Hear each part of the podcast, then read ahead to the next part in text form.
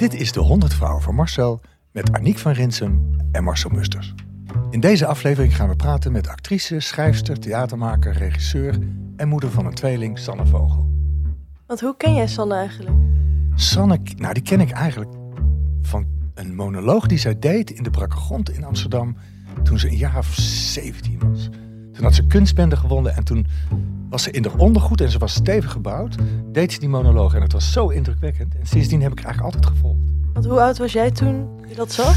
Uh, ik denk dat ze nu half 30 is, dus dat is 20 jaar, kleine 20 jaar geleden. Toen was ik uh, 40.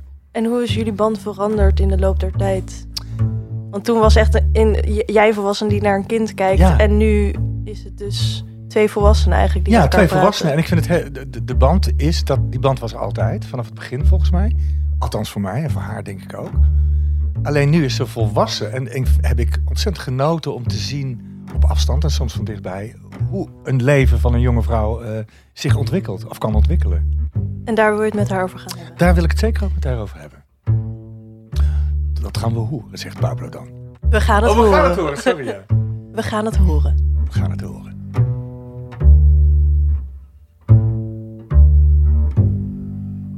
Weet jij nog hoe we elkaar hebben leren kennen, Sanne? Ja? Vertel eens. Ja, jij was met iemand mee en ik denk met Christine van Stralen. Of was je met iemand anders mee naar een voorstelling kijken bij mij? In de brak grond en ik wist wel wie jij was. Ah ja? Oh ja, ja van jouw solo toen. Ja, dat is de eerste keer dat ik jou echt heb ontmoet. Met Christine. Dat, jij- dat jij dat nog weet. Ja, want dat vond ik heel leuk dat jij kwam kijken. Ik denk dat het met Christine was.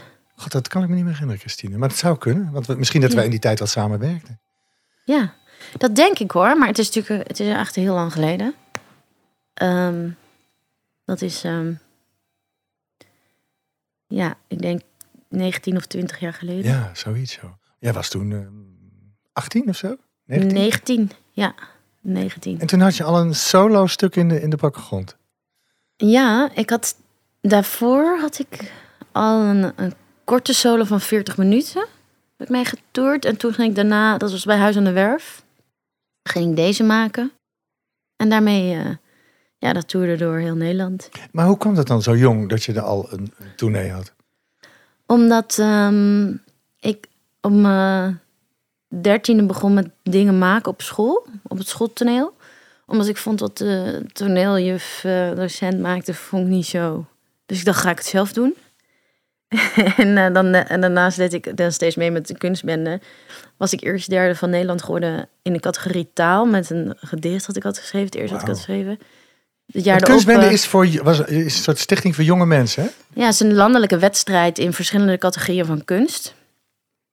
En ja, het tweede jaar deed ik mee met theater. Toen was ik eerst in Nederland. En het derde jaar deed ik mee met video. Nu zou je dat film noemen, denk ik. Maar... En toen samen met mijn broer die laatste keer. En toen werden we weer eerste van Nederland. En omdat iemand zo vaak achter elkaar landelijke prijzen won... Ja, gingen allemaal mensen vragen of ik dingen met hem wilde doen. Dus bij- toen mocht ik een solo maken bij het syndicaat. Ik weet niet of je dat kent. Ja. Dat was, dat was ja, toen was ik denk ik 17 of zo. Feestbeest heette dat. En dat had een kleine tour. En daarna, eh, ja, ik speelde toen ook al op de parade bij Dickie van de Toorn. Oh. Toen ik 17 was. oh, dat weet ik. Heb ik ook gezien volgens mij. Ja, en daarvoor speelde ik nog bij Harm van Geel. Toen was ik nog jonger. In een, in een voorstelling die hij maakt. ehm, eh, What if God was one of us. En daar zagen weer heel veel mensen me. En dan vroegen ze me. En omdat ik zo jong was. Ik was gewoon heel jong en ook wel dikkig. ik was een stevig, opvallende, ja, ja. een opvallende persoon. En dus mensen dachten, oh, dat is leuk, leuk om in een stuk te stoppen. Dus ik werd gewoon heel veel gevraagd, maar ook heel veel gevraagd om mijn eigen dingen te maken. Want bij het syndicaat, werd, ik deed ook gewoon alles. Dan deed ik mee met workshops en zo. Deed ik een workshop van Oscar van Woensel met schrijven. En daar was Danielle van het syndicaat bij. En die vroeg dan weer, wil je niet iets bij ons maken? Toen ging ik solo maken en zo ging, ja, ja dan ging het vuurtje of balletje rollen. Maar hoe was het eh, als je zo jong bent dat dat allemaal gebeurt? Ik zou daar niet eens mee kunnen dealen, geloof ik. Of Nou, dacht je daar niet zo bij na? Nee, ik vond dus toen... Kijk, nu ben ik ehm 38, bijna 39 en denk ik... Jeetje, wat was hij jong.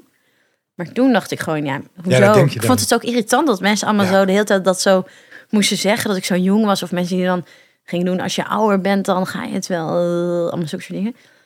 Maar nu denk ik wel, ja, ik was heel jong. Ik had ook wel mijn eerste burn-out al toen ik 19 was. Serieus, ja? Ja, 19. Nee, dat is niet waar. Ik was ouder. Ik was 20, denk ik. 19 of 20. Dan, en dat was al mijn derde paradevoorstelling. Derde jaar parade. En nee, dat is mijn vierde jaar parade, parade maar mijn derde eigen voorstelling die ik maakte. Ja, want dat was bij. Ja, ja dus ik was, ik denk, 20. Dus dat had wel eh, impact natuurlijk allemaal. Ik denk dat, ik da dat het niet eens al die dingen maken en zo, maar dat je dan heel jong bent en zonder school dingen doet. Dus dat alles wat je doet onder het oog van het publiek is en onder oog van pers. Ja. Dus die pers ging mij dan in één keer helemaal de hemel inschrijven, maar ook als ik 19 was, me helemaal de grond inschrijven. Eigenlijk zou je dat moeten denken als journalist. Ja. Dat moet ik niet doen. Nee, meisje is 19. Dat, eh, Nee, je moet dat niet vergelijken met Nee. een, een theatermaker van 35 die eh, allemaal opleidingen en ervaring heeft ge- gehad. Dus ik vond dat lastig. En ik vond het lastig om, om, met veel ego's uit het vakgebied, eh, om daarmee in aanraking Ja. te zijn. Dat ik, dat mensen kunnen best wel ja, onaardige dingen zeggen of zo, om zichzelf beter te voelen. En ik nam dat heel erg persoonlijk. Dat, eh, Het lag aan jou. ja, Of ik zo. dacht wel dat Ja, de dingen aan dat. mij lagen, Ja. ja. ja. het zal nu denk ik gewoon, ja, wat sneu eigenlijk. Want het zijn wel ook allemaal veel oude mensen. Dat ik denk, wat sneu eigenlijk. Dat je dat, nodig, hebben om... Ja, precies. Maar ik hoor het ook wel veel nog van... Ik geef wel eens les op, eh, op, op eh, toneelscholen nu. En dan hoor ik ook wel echt van studenten dat daar leraren zitten... die, die je echt, nou ja, niet verder helpen... maar er echt zijn voor hun eigen ego... omdat zij graag een stuk willen maken, bla bla. Of, of omdat ze zich beter voelen door een ander naar beneden te duwen. Dat is, gewoon- ik vind dat heel kwalijk. Ja, ja. Nu je dit zegt, ik, ik, ik heb heel veel last van dat ik me realiseer dat eh, jonge mensen op toneelscholen, en ik, ik zelf ook, en Jeroen ook, eh, mijn ex-partner, zeg maar, die is overleden. En daar is nu een boek van uit, en daar, daar staat het ook in bij hem, dat hij heel veel last had van die toneelschoolperiode, omdat er wordt gezegd, je moet er helemaal van gaan. 100%, 24 uur per dag. Tegen mij is het ook gezegd. Ik heb Ja. het heel serieus genomen. Ja, En dat heeft toch, dat, dat is helemaal niet waar, vind ik. ja. Ik denk dat balans ve- veel belangrijker is en dat, dat je als acteur moet snappen wie je, wie je bent. En niet dat je alleen maar probeert te doen wat zij vinden dat een acteur moet doen. Ja, en ook dat je hele leven alleen maar bestaat uit mensen die Precies. allemaal in dat vak zitten. En dat alle als je iemand tegenkomt, dat het gesprek dan is: hoe gaat het met jou? Ja, nee, ik ben nu met die en die aan het werk. Ja, Ja, druk, Ja. druk, druk. en dan gaat het, dat is wel, dat is niet de vraag. De vraag is: hoe gaat het met je? Dat is echt een andere Ja. vraag. Ja. Maar goed, dat is, eh, ja, misschien is dat onderdeel van, eh, van iets heel graag willen en, en doen. Ja, maar daar vind ik dus een soort misbruik gemaakt wordt van jonge mensen op een bepaalde manier. Door, Ja. door de leidingen van die eh, instituten. Ja, nou daarom zijn er natuurlijk ook allemaal dingen die nu naar buiten komen in de hele MeToo en zo. Daarom konden zulke dingen ook gebeuren. Ik heb wel het idee dat er een verschuiving plaatsvindt. Ja, maar is, is er, zijn er wat dat betreft dingen met jou gebeurd in de jaren? Nou, niets, nee, niets persoonlijk wel. hmm, gewoon echt treiterijen binnen, binnen eh, producties. Ehm, Treiterij om jou... Of, ehm, ja, ik ben ook echt uit een productie gestapt omdat een actrice mij zo aan het, eh, oh ja? aan het treiteren en vernederen was. Die had eerst de regisseuse weggepest en daarna... ja, ik kon, eh, toen, kon, ook, kon, kon niet spelen in de mix meer. Ik kon gewoon niet meer. Ja. En dan ging ik naar de psycholoog en dan liet ik berichtjes lezen die zij stuurde. En dan zei hij, ja, dit, dit is gewoon een psychopaat. Dit, dit is niet oké. Maar het is dan ook niet dat een producent voor je opkomt. Nee. Het is dat je dan eh, niet betaald krijgt voor alles wat je al hebt gedaan. Ja. Dus dat is, is best heftig. Maar ehm, ik ben altijd wel snel uitgestapt. En ik heb wel altijd... Ik weet dat ik heel jong was. En dat ik speelde in een voorstelling met heel veel jonge mensen. En dat dan de regisseur wilde dat wij dan met een hand op ons hoofd en op een hand op ons geslacht gingen liggen. En dan moest je zo bewegen en seksgeluiden maken. En hij ging dan daartussen doorlopen. En dan ging hij altijd zeggen dat hij geen onderbroek aan had. terwijl Hij was drie keer zo oud. En dan al die meisjes zaten bij hem op schoot en dingen. En dat ik zei, ja, dat doe ik niet. Ik ga die hele warming-up niet van jou doen. Ik ga er niet beter van spelen. Ga ik gewoon niet doen. En dan was het ook oké. hoefde ik het niet te doen. En had ik wel de grootste rol in dat Ja, stuk. ja. Dus het is ook dat je ook moet durven nee te zeggen. Maar ik heb ook wel, denk ik, doordat ik zo ben, dat ik gewoon zeg, doe ik niet. Ook wel dat mensen mij ook eh, soms irritant vinden of zo. Maar dan denk ik, ja, prima. Ik heb liever, eh, Ik heb ook, eh, speelde ik in een film bij een regisseur waar ik heel goed mee kon, maar die onder stress ga je een soort woede aanvallen, wat hij afreageerde op crew en op figuratie. En toen heb ik op een gegeven moment tegen hem gezegd, ja, ik wil even vanavond wat met jou drinken, anders kom ik morgen niet naar de set. En toen heb ik dat heb ik gewoon gezegd, waarom doe je dat? Want ik ga er niet beter door spelen en zo. En toen zei hij tegen mij, ik vind het wel dapper dat je dit zegt, want de meeste acteurs zouden dat niet zeggen. Ik zeg, hoezo niet? Omdat ze dan bang zijn dat ze dan niet meer gaan werken. Ik zeg, ja, maar als jij dan daarna niet meer met mij werken, ga ik gewoon lekker iets zelfs maken. Dat maakt me niet uit, weet je. Ja, En daarna heeft dit weer echt geturnd. En daarna heb ik nog super veel met hem gewerkt. Op een hele fijne manier. Dus dat die angst om iets niet te durven zeggen, die angst om geen werk te hebben, dat is gewoon zo zonde. Want daardoor gebeuren zulke dingen. Maar, dat is Maar ja, ook- jij, had, jij hebt natuurlijk de, de mogelijkheid om zelf dingen te maken. Dat is een groot verschil met de meerderheid van de acteurs. zeker. Dus je bent Ja. onafhankelijker. Heb ik ook altijd Ja. gehad, omdat ik een eigen groep had. Ja, Je doet alleen Ja. maar iets als je iets echt wil. Of, Mhm. of weet je wel, niet... Zeker. Zeker. Nee, dat is ook zo. Maar dat hele. Het gevoel dat je dingen moet accepteren die niet kloppen, dat ontstaat natuurlijk wel als er binnen toneelscholen al dingen gebeuren of andere kunstacademies die niet kloppen. Ja. Dus daar ben ik wel heel blij dat die nieuwe generatie eh, nu ja, echt eh, dat er dingen doorbroken worden, dat dingen uitgesproken worden, dat er dingen naar boven komen van oké, zo gaan we het niet meer doen. Want jij denkt echt dat dat aan het veranderen is. Ja, ja. Heb je daar voorbeelden, voorbeelden van? Nou, eh, sowieso zijn er allemaal mensen die nu gewoon bepaalde functies niet meer hebben. Ja. En als je kijkt naar zo'n dat meldpunt, we hebben natuurlijk nu dat meldpunt, Ja. hoeveel meldingen daar binnenkomen. Ehm, ik ja, dat zijn het- natuurlijk allemaal steun. Ja, dat, dat helpt om... eh, Ja, en het feit dat je ziet, oké, dit is niet normaal. Dus dat je ziet, oké, deze persoon die wordt nu meestal publiekelijk aan een schandpaal genageld omdat hij deze en deze dingen doet. Als iemand dat dan bij jou doet, dan weet je wel, oké, maar dit hoef ik niet te accepteren. ja. En ik denk dat dat heel goed is, want heel lang dacht je, als je op de toneelschool zat en je had een docent die al je grenzen overging, of bij je klasgenoot en je ging daarna naar een castingdirector en die deed hetzelfde, heb je dus op die toneelschool al geleerd Ja. dat je dat moet accepteren. En nu leren mensen dat moet je niet accepteren. Ja. Dus ik denk dat dat heel goed is. Ik ben daar heel blij mee. Dat dat gaande is. Hoe is het nu met jou? Met mij gaat het heel goed. Ja. En wat is goed?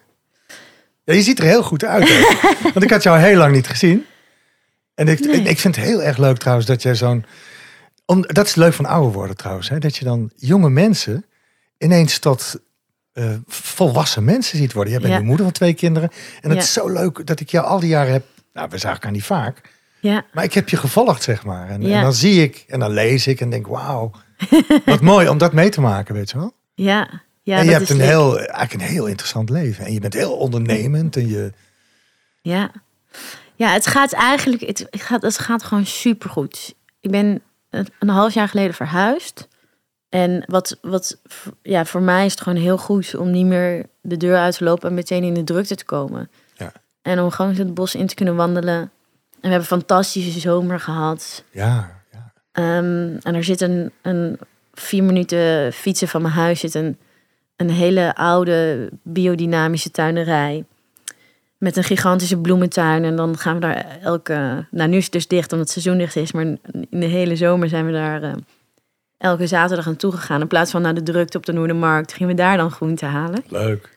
Ja, en Met je twee kindertjes dus. met mijn kinderen op de bakfiets en mijn vriend. En ehm, die vinden het ook fantastisch. Gaan we allemaal eh, bonen kopen en daarna in de tuin bonen doppen. En dan helpen ze met alles. En dan Wat gaan we leuk. samen koken. Ja, het is echt heel leuk. Dus dat is heel fijn. En eh, er zit heel veel structuur en regelmaat. En dat, dat ik, ik moet gewoon eh, om tien uur naar bed. Dat is gewoon zo'n verschil. Ja. En dat doet mij heel goed. Ja, ja ik ken het. ik lig om acht uur in bed meestal. Oh, echt? Ja, Wow. Heerlijk. Ja, ik sta wel om zes uur op, maar het is acht uur is zo fijn. Ik heb mijn hele leven niet gekund. Ja. Ik denk, jezus, wat heb ik veel gemist. Slaap. veel gemist. nou, slaap, maar ook de mogelijkheid dat je gewoon als je moe bent, Ja. als je lijf zegt, eh, even rusten nu, dat je dat kan. Ja. Want dat hebben wij natuurlijk ons hele leven niet kunnen doen. ja. Omdat je altijd op tournee bent of aan het filmen bent en duizend projecten tegelijk. Dus je gunt jezelf bijna niet dat je een lijf hebt. Een lijf hebt voor jezelf. Ja, je vindt ook wel dat, eh, tenminste dat vond ik altijd, dat, eh, dat werk belangrijker was dan ikzelf. Ja. En dat je dan geen nee wil zeggen tegen mensen, dat je mensen niet wil teleurstellen. Ja. Ja.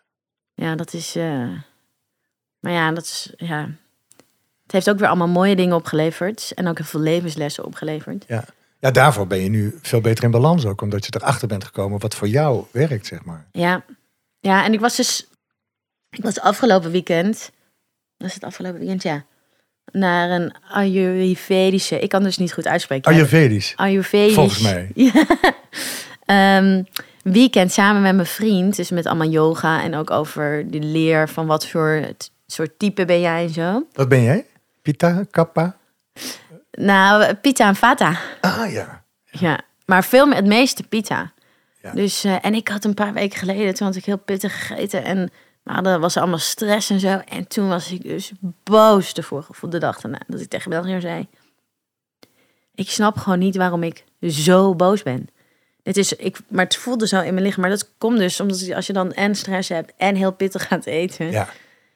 dat is gewoon veel te veel. Dat kan, kan ik helemaal niet aan. Nu worden dingen allemaal veel duidelijker. Maar hoe kwam jij bij dat Ayurvedische dan? Om, om, daar, om daar mee te, eh, nou ja, te gaan Nou, kijken? Wij zouden eigenlijk al gaan eh, in januari, dus toen we nog in Amsterdam woonden. Ehm, ik en Melchior. En toen kregen we corona, dus toen gingen we niet. Maar we wilden, we wilden gewoon iets doen om een beetje op te laden. En ik had wel eens, eh, ik wist dat dat eten lekker eten is. Dus dat is wel een wel een Heel belangrijk ook, onderdeel. En dat, kleuren en zo. ja, en ik dacht als ik dan eh Melchior mee ga nemen naar een soort van diehard detox ding, dan wordt hij niet gelukkig van. Dus ik dacht, moet ook wel voor hem ook leuk, leuk zijn. En, maar ik had niet verwacht dat het zoveel zou opleveren voor ons. Wat heeft het opgeleverd voor Melchior bijvoorbeeld? Want dat vind ik ook wel interessant. Ehm, nou ja, eh, door te snappen waardoor bepaalde mechanieken ontstaan binnen ons gezin. Ook met de kinderen. Wat ze ook, wij zijn alle vier, heel, we hebben heel veel pita. Mhm. En allemaal vata, dus ze zijn ook allemaal heel eh, gevoelig. Ja.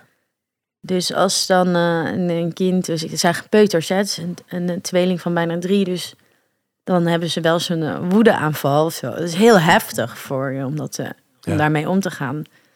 En daardoor, ja, voor mij was het denk ik al iets sneller duidelijk hoe ik daarmee om moest gaan. Maar voor Mel was het nog iets ingewikkelder. En nu kan hij veel beter denken, oh, dit is dit, is dit en dit heeft, ik moet nu dit doen om te zorgen dat het weer terug in balans gaat. In plaats van zelf erin meegesleurd worden. Ja. ja, het gaat heel erg over balans uiteindelijk. Ja, ja. Dus dat is echt leuk om te weten. En, en wat ik ook heel leuk vond, want ik, ik was daar tijd en ik dacht ook de hele ja, die disbalansen heb ik eigenlijk niet. Die herken ik wel van, van mijn leven. Maar ehm, ik dacht, ik, het gaat gewoon heel goed. dat, is, dat is heel fijn. Dus, ehm, en als iets belangrijk voor mij is, is dus ook echt in die natuur zijn. En dat merk ik ook. Dus het was eigenlijk al goed dat het, dat het niet toen in die hectiek plaatsvond. Want dan had ik het veel moeilijker gevonden om allemaal te snappen. Ja, ja. Maar Maar dat aan het leren gegaan misschien om het te snappen? Of ik had heel erg tegen verzet. Ja. Dat denk ik eigenlijk vooral. Dat ik heel erg tegen had verzet, mezelf kennende. Oh ja, is dat zo? Ik denk juist dat je zo open staat om dingen uit te proberen. Ja, maar als het dan mensen, als mensen gaan zeggen dingen over wat ik ben of zo, dan denk Oh ja. ik, het doe niet, dat vind ik vervelend. Wil ik Mhm. zelf, eigenwijs is dat. Ja. Maar nu stond ik daar wel voor open. Voeding is, is je... Dat, daar kom ik de laatste jaren pas, eigenlijk pas achter. Dat het je heel erg helpt om, om je goed te voelen ook. Zeker. Terwijl we zoveel junkfood hebben gegeten. eh, Heel veel Ja. mensen. Ja. Dat werkt zo tegen. ja, terwijl het af en toe ook nog wel lekker is, Ja, toch? af en toe. Ja. Maar het gaat over balans. Ja. Terwijl de basis Het moet niet de eh, basis zijn, nee. nee. Nee, maar af en toe ehm, veganistische bitterbal. eh. Ja, maar dat, dat is veganistische bitterbal is voor mij eh, super eh, goed hoor. ik hoorde zelfs dat ze veganistische frikandellen hebben tegenwoordig. En ik, Klopt, dat ja. vind ik het enige moeilijke, dat ik geen frikandel meer... Ik was echt een frikandellen jongen. Oh ja? Frikandel, ja. Nou, dat is heel grappig, want ik ging dus eigenlijk nooit met de trein toen ik in Amsterdam woonde. Want ik was deed gewoon als in Amsterdam en als ik de stad uit moest, nou, dan was het eigenlijk altijd met twee peuters. Dus dan in de auto. Ehm, maar nu ga ik dus steeds met de trein. Maar wat ze dus hebben is veganistische frikadellenbroodjes. Op het station.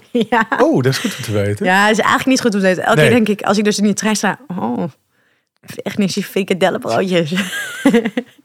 maar dan thuis wel alleen maar. eh, allemaal curry's en miso soepen maken en heel veel biologische groenten eten en dan op het station een, eh, een vegan frikadellenbroodje. Maar, is toch goed. maar hoe ben je daarbij gekomen dat je zo gezond het, het, eh, bent gaan koken en heel veel met koken? eh, want je hebt vast maar ook een kookrubriek gehad, of een kookprogramma. eh, Ja, ik heb, ik heb oh, En een stom. kookboek geschreven, Ja. Die had ik voor jou mee moeten nemen. ja Ik ga die naar je opsturen. is goed. Ja, ehm, nou, het is eigenlijk... Dus toen, toen ik heel jong was... toen jij mij ook voor, voor het eerst leerde kennen... was ik gewoon echt best wel heel dik. En ik werd maar dikker en dikker. Ik ben vanaf mijn dertiende heel veel aangekomen. En op een gegeven moment was ik daar gewoon klaar mee. En toen... ehm, ik had ook pijn met lopen. Alles deed gewoon... Alles was zwaar. Omdat ik Mhm. gewoon echt veel te veel eh, kilo's meedroeg. En toen ehm, ja, ben ik me een beetje gaan verdiepen in, eh, in voeding. En dat begon eigenlijk met een boek dat heette De Voedselzandloper. Eh, waarin eigenlijk allemaal wetenschappelijke informatie over eten is verzameld. Een super interessant boek. En ehm, nou, toen ben ik gewoon steeds meer gaan onderzoeken wat voor mij werkte. En toen ben ik ook heel veel afgevallen. En ehm, heb ik enorme tekorten gehad als vegetariër. Omdat ik op mijn twaalfde vegetariër werd en niet wist hoe ik dat moest doen. Ja, dus dat is een heel lang proces eigenlijk geweest. En ik heb altijd, altijd heel erg van koken gehouden. En ik wilde eigenlijk al... eh, ja, ik wilde op mijn 22 al een kookboek schrijven.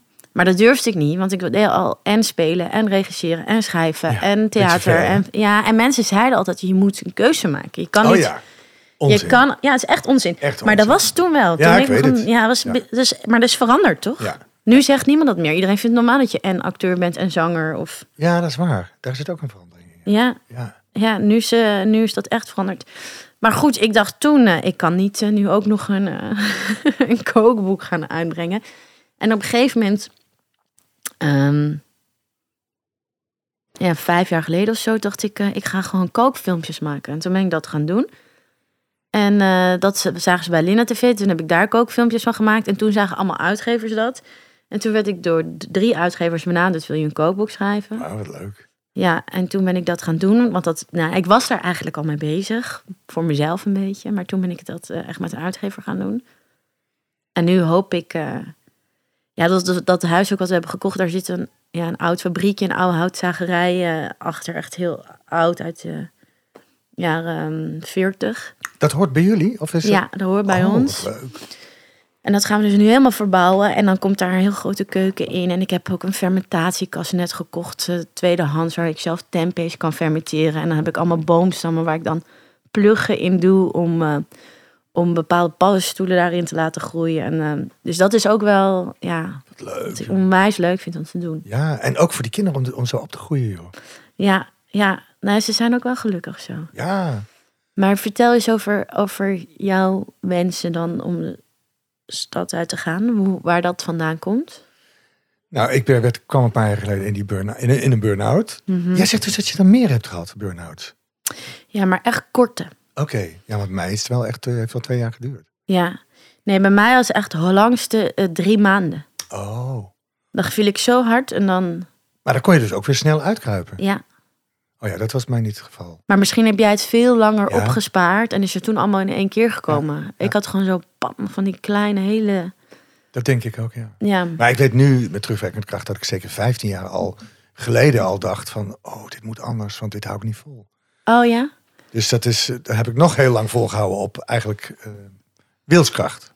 Om, Ja. om die dingen te doen. Ja. Maar toen ik dus in de burn-out kwam, toen, toen eh, heb ik eerst een hond genomen. Ja. Ik ben eerst naar India gegaan, want dat was de, en naar, naar Thailand en naar Bali. Daar heb ik een food reflexology cursus gedaan. Dat je het zelf ook kan. Ja, ja, ik ben er Oh, ge- nou ja, ik heb wat een leuk. workshop gedaan. Ja, nou ja, ik, ben, ik heb nu mijn hand op vijf plekken gebroken. Dus net die hand waar ik zo eh mee masseer. Maar dat Oh, ja, ja. Ben ik wel aan het opbouwen. Ik, ik masseer de hond elke dag. Oh. Maar, maar toen ben ik dus eerst, want ik, ik voelde aankomen, dit gaat niet goed. En toen had ik gepland dat ik op reis zou gaan. Dus ik had al een half jaar vrijgepland. Maar ik heb het niet gehaald, want voor die tijd kreeg ik die burn-out. Maar toen dacht ik, ja, maar ik moet, ik moet echt naar mijn lichaam, ik moet gaan luisteren. Dus toen ben ik toch op reis gegaan. En het was echt de beste oplossing.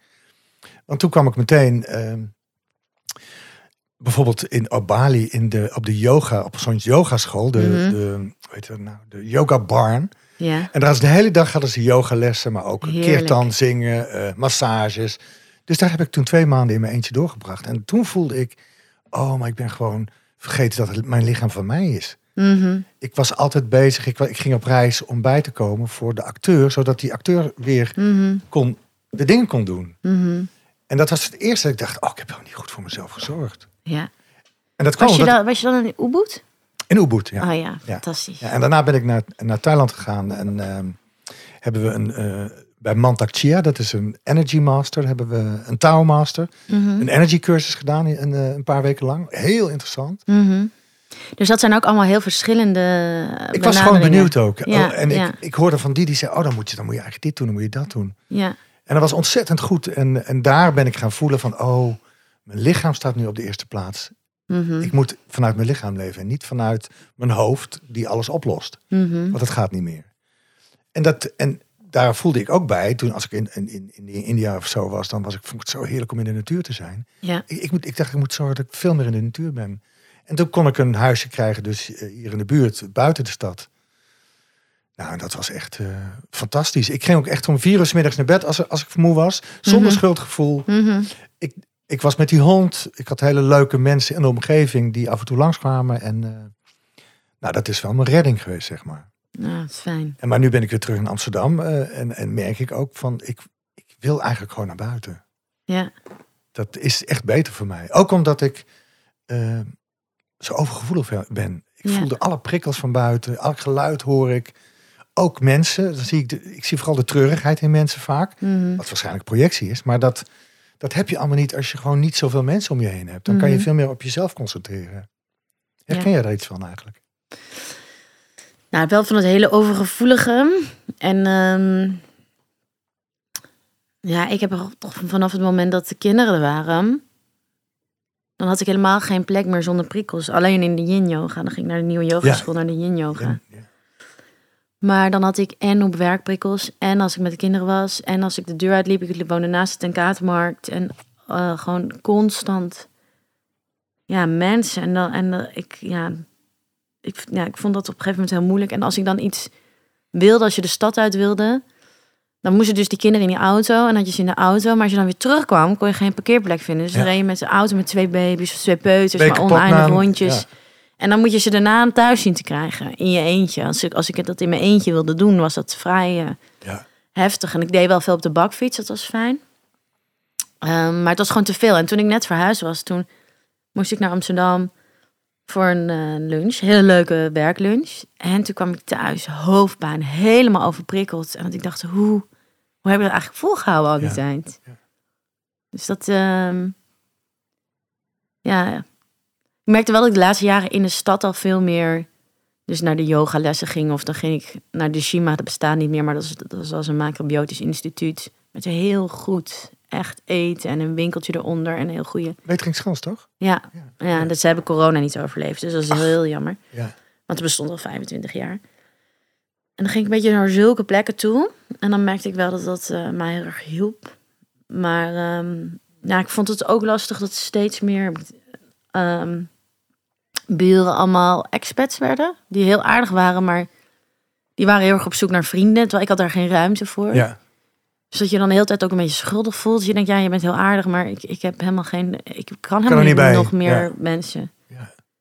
Dat ken ik. Ja. Heb ik nu ook hoor. Want dan woon ik in een nieuw dorp en dan willen mensen allemaal dingen afspreken en zo. En dan denk ik, ja, maar wanneer dan? Ja. Ik, ik, eh, Nee, maar je moet gewoon nee zeggen. Nee is het nieuwe jaar. Dat, eh, dat Ja. is echt mijn, eh, mijn Ja. motto. Ja, Want hoe meer je nee zegt, hoe meer vrijheid je krijgt. ja. Ja, ik en mensen zijn, snappen eh, vaak veel beter dan je zelf denkt dat mensen het snappen. Ja, Is mijn ervaring. Als je het uitlegt. ja. Nou, ik zeg ook wel gewoon dat het heel druk is en zo. Maar het is, het is ook moeilijker voor mensen die... eh, bijvoorbeeld vrouwen die heel veel thuis zitten. Ja. Om dan te begrijpen dat, eh, dat ik daar geen tijd voor heb. Dus dat het niet onaardig bedoeld is, maar dat ik geen tijd heb om dan Ja. op dinsdagmiddag koffie te drinken. Ja. Ja. Dat, ehm, maar goed, dat eh, leer ik wel hoor, steeds meer. Gewoon eh, ook gewoon eh, ruimte maken voor mensen. Ehm, het is niet zo dat je altijd elkaar 100% hetzelfde terug moet geven, maar je moet in ieder geval wel prettig vinden om bij mensen te zijn. ja. En als mensen waarvan je houdt even niet goed gaan, kan je er wel voor ze zijn. Maar het moet wel echt in balans zijn. En dat vroeger deed ik gewoon altijd alles voor iedereen. Ja. Ten koste van jezelf vaak. Ja, Niet aan jezelf Ja. denkend ook. Ja. ja. En dat is wel makkelijker geworden. Maar dat is ook door de kinderen lijkt mij. Zeker, ook Want dat heb ik bij heel veel Ja. vriendinnen gezien. Als ze kinderen kregen, bij vrienden ook trouwens. Ja, Dan wordt er een basis gelegd waardoor ze... Nou, dat is op de eerste plek. ja, En dan wordt het makkelijker op een of andere manier. ja. Ja, zeker. Ja, omdat het ook gewoon onmogelijk is om dan nog eh, allemaal mensen... En op een of andere manier geef je daaraan toe dan. Ja. Dan Ja. denk je, oh nee, maar dat kan ook niet. ja, en zeker als je een tweeling hebt.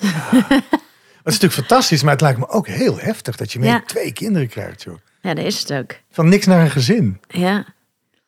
Ja, dat is ook heel, eh, dat is, dat is heel eh, bizar. Nou ja, het is vooral dat je, mm, als je dan opeens twee baby's zijn, dat je komt kwam dan thuis uit het ziekenhuis en zijn er opeens twee baby's, terwijl je weet dus helemaal niet, niet wat je moet doen en hoe je, hoe je ze in leven moet houden. Ja, en, eh, en ik was dan sowieso heel, fysiek helemaal kapot, want het was heel veel. Twee grote kinderen had ik en twee, twee placenta's. En ik zat al in een rolstoel, kon niet meer lopen op een gegeven moment. En toen drie dagen inlijnen en toen spoedkeizersnee. Dus ik kwam thuis helemaal geel. En eh, ik kon helemaal niet op mijn benen staan. Dus voor Melchior, mijn vriend ook, die moest opeens... eh, ook voor twee baby's. Hij had in het ziekenhuis al geleerd hoe je luier moest verschijnen. Ja, maar ik lag daar... niet. Nee, want ik lag daar aan de morfine in een bed gewoon. eh, ik kon dat helemaal niet. Dus het was ook heel raar dat allemaal andere mensen Ja. opeens... De, dus ik wil ook heel graag dat doen, maar dat kon ik helemaal nog niet. Dat is heel raar. En ehm, die eerste nacht heb ik het niet geslapen. En toen heb ik meteen allemaal schema's gemaakt. En dat is nog steeds onze redding. Oh ja? Schema's. Ja, ik maak gewoon één keer in de drie maanden. Besteed ik een dag. Kijk, mijn werk is natuurlijk altijd anders. Want film je nog veel eigenlijk? Of ben je vooral bezig met schrijven? Nou, ehm, ehm, ik heb vorig jaar voor het eerst weer eh, hoofdrol gespeeld. Dus dan was Foodies, hè, geloof ja, ik. Foodies. Ja, was heel leuk om te doen. En nu ehm, is het idee dat we. Ik heb nu net artistieke ontwikkeling eh, voor een film gekregen waar ik als regisseur op zit. En dat is het idee dat we niet deze zomer, maar pas volgende zomer gaan draaien. Dus ik film nog wel, maar ehm, echt een lange productie is dus gewoon hier en daar. We spelen natuurlijk wel, maar lange producties als regisseur. ehm, niet, kan ik nu niet elk jaar meer doen. Nee. Dus dat doe ik dan. Het idee is om dat één keer in de twee jaar te doen. Maar ik merk ook wel dat ik veel meer tijd wil om dingen te maken. Want deze film waarmee we nu bezig waren. was ook wel de vraag: gaan we dat dan eh, nu deze zomer doen? En toen heb ik gezegd: nee, dat vind ik te kort. Ik heb wel meer eh, tijd. Ook omdat je anders je crew heel kort van tevoren pas. Want dan heb je de Ja. hele financiering pas kort voor de zomer rond. En dan moet je iedereen heel lang aan het lijntje houden. Dus ik kan nu veel meer zeggen. Kunnen we het ook een jaar later doen? En dat dan iedereen zegt, ja goed. ja, is toch veel fijner? Ja, en ik heb ook wel dingen, want ik had altijd... Dan was ik met het ene bezig, maar dan was ik al met het andere was ik ook al bezig. Ehm, en dan had ik heel veel in de, in de pijpenla. Maar toen ik zwanger werd van Belle en Louis, kon ik niks meer. Dus ik, ik heb gewoon eh, ja, de eerste drie maanden op bed liggen kotsen. Oh, was het zo heftig? Dat was echt heel erg heftig. Wat wist je meteen dat je een tweeling zou krijgen eigenlijk? Nou, nee, ja. Niet meteen, maar ik was zwanger en ik voelde me heel ziek. En toen heb ik de verloskundige gebeld. Want ik had eerder een keer zwangerschap gehad dat niet goed was. En toen ehm, was ik ook heel misselijk. Maar nu was het nog erger. En toen Ah. had ik daarna, was bang om zwanger te worden, dat ik weer zo misselijk zou worden. En toen had de verloskundige gezegd... Het kan ook zijn dat je zo misselijk was, omdat het niet zo goed was. Het kindje. En nu was ik dus super misselijk. Dus ik belde op. Ja, ik ben echt super misselijk. En toen zei ze, nou, als je zo misselijk bent... dan zou het ook nog wel eens een tweeling kunnen zijn. Oh ja. En een paar weken later kreeg ik pas de echo. En toen was het een tweeling. En toen dacht ik, oh, gelukkig. Het komt daardoor. Het ligt niet aan dat eh, ik Ja. soort eh, niet normaal eh, ben. Maar er zijn gewoon twee placenta's. Maar wat heftig, ja, dat je, dan, dat je dat daar allemaal doorheen moet. Ja, het is natuurlijk Ja. fantastisch dat je die kinderen hebt gekregen uiteindelijk. Ja, nee, dat is fantastisch. Maar ik vond het wel een eh, opgave. Ja. Want jij wilde altijd al kinderen wel. ja, En Melchior ook. ja, ja. Ah, ja. Ja, nee, dat was wel een opgave. Maar wat, dat, wat er dus gebeurde, is dat allemaal werk wat ik normaal gesproken zou doen als voorbereiding om, om verder te kunnen, dat lag allemaal stil. Toen kon ik even een paar maanden wel half werken. En toen aan de laatste twee maanden van die zwangerschap kon ik niet meer lezen. Mijn hersenen deden niet meer. Werd ik gevraagd voor dingen. En dan zat ik te lezen en dan ik snapte er geen reet van gewoon. Dus ik, mijn hele lichaam was gewoon een babyfabriek geworden. Ik kon Ja. helemaal niet meer. Ik kon niet meer.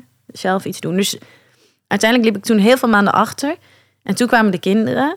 En op het moment dat zij naar de crash gingen en mijn leven een beetje kon beginnen, waren alle crashes gesloten, want het was corona. Dus het was een heel lange periode, wat ik normaal, eh, ja, een soort mijn, mijn, mijn voorraad aan, aan, aan ehm, projecten, dat, dat, dat kon ik helemaal niet maken.